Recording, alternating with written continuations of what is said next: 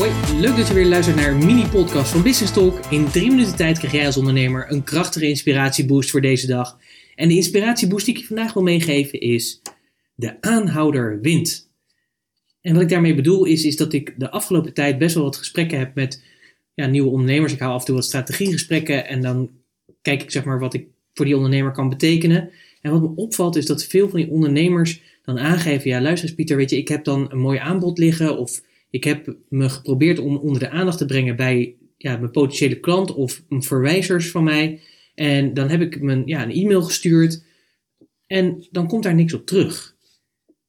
En dat is natuurlijk helemaal niet zo raar. Want je moet natuurlijk realiseren dat op het moment dat jij een e-mail stuurt naar iemand anders, met daarin informatie over een product of dienst van jezelf, is dat je een aantal principes voorbij gaat. Zeker als de persoon je nog niet kent.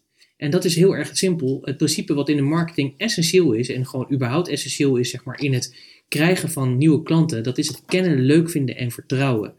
Dus mensen moeten je eerst leren kennen, dan moeten ze je echt leuk vinden en waarderen voor wie je bent. En dan moeten ze echt ook vertrouwen in je hebben dat jij degene bent die het beste bij hen past en hun problemen echt kan oplossen. En die volgordelijkheid, daar moet je doorheen. En soms kun je het vertrouwen, zeg maar, snel krijgen omdat je op aanbeveling van iemand anders bent. Maar als dat niet het geval is, zul je toch echt dat vertrouwen moeten opbouwen. En als jij een e-mail stuurt, ja, wat zegt een e-mail over vertrouwen? Helemaal niks natuurlijk. En daarbij, bedenk dan eigenlijk dat, dat die e-mail niet anders is dan dat je een reclamefolder bij je in de brievenbus krijgt.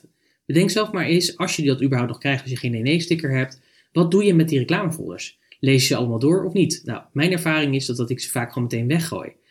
En daardoor krijg je dus ook niet die binding. En bedenk dus ook dat je niet prioriteit bent, maar dat je dus ergens op een stapel belandt in die e-mailbox of als je een flyer letterlijk opstuurt, dat je een, ja, eentje, een van de velen bent. Dus niet van waarde bent, niet in het vertrouwen zit, niet van belang bent. Dus je zult iets in follow-up moeten doen. Dus die opvolging die zul je moeten doen. Dus het is dus heel erg belangrijk dat je dan nog eens een keer belt en vraagt: Hey, heb je mijn e-mail gehad? En heb je die nog niet gehad? Vind je het dan goed dat ik hem nog een keer toestuur?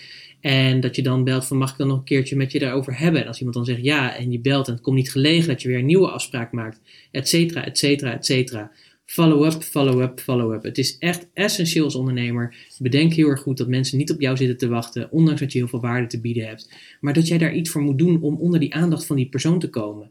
En bedenk dus ook heel erg goed dat vroeger had je zeg maar dat je ongeveer zes keer nodig was om voorbij te komen. Tegenwoordig is het, het onderzoek blijkt al dertien keer, omdat er gewoon heel veel ruis op de lijn is. Dus zul je die persoonlijke relatie moeten bouwen, zul je aan het vertrouwen moeten werken. En dat doe je door vol te houden, opvolging te doen en continu opvolging te doen. En dan is het heel erg simpel. De aanhouder wint. Ik wens je daar veel plezier bij en spreek je graag weer morgen. Tot morgen.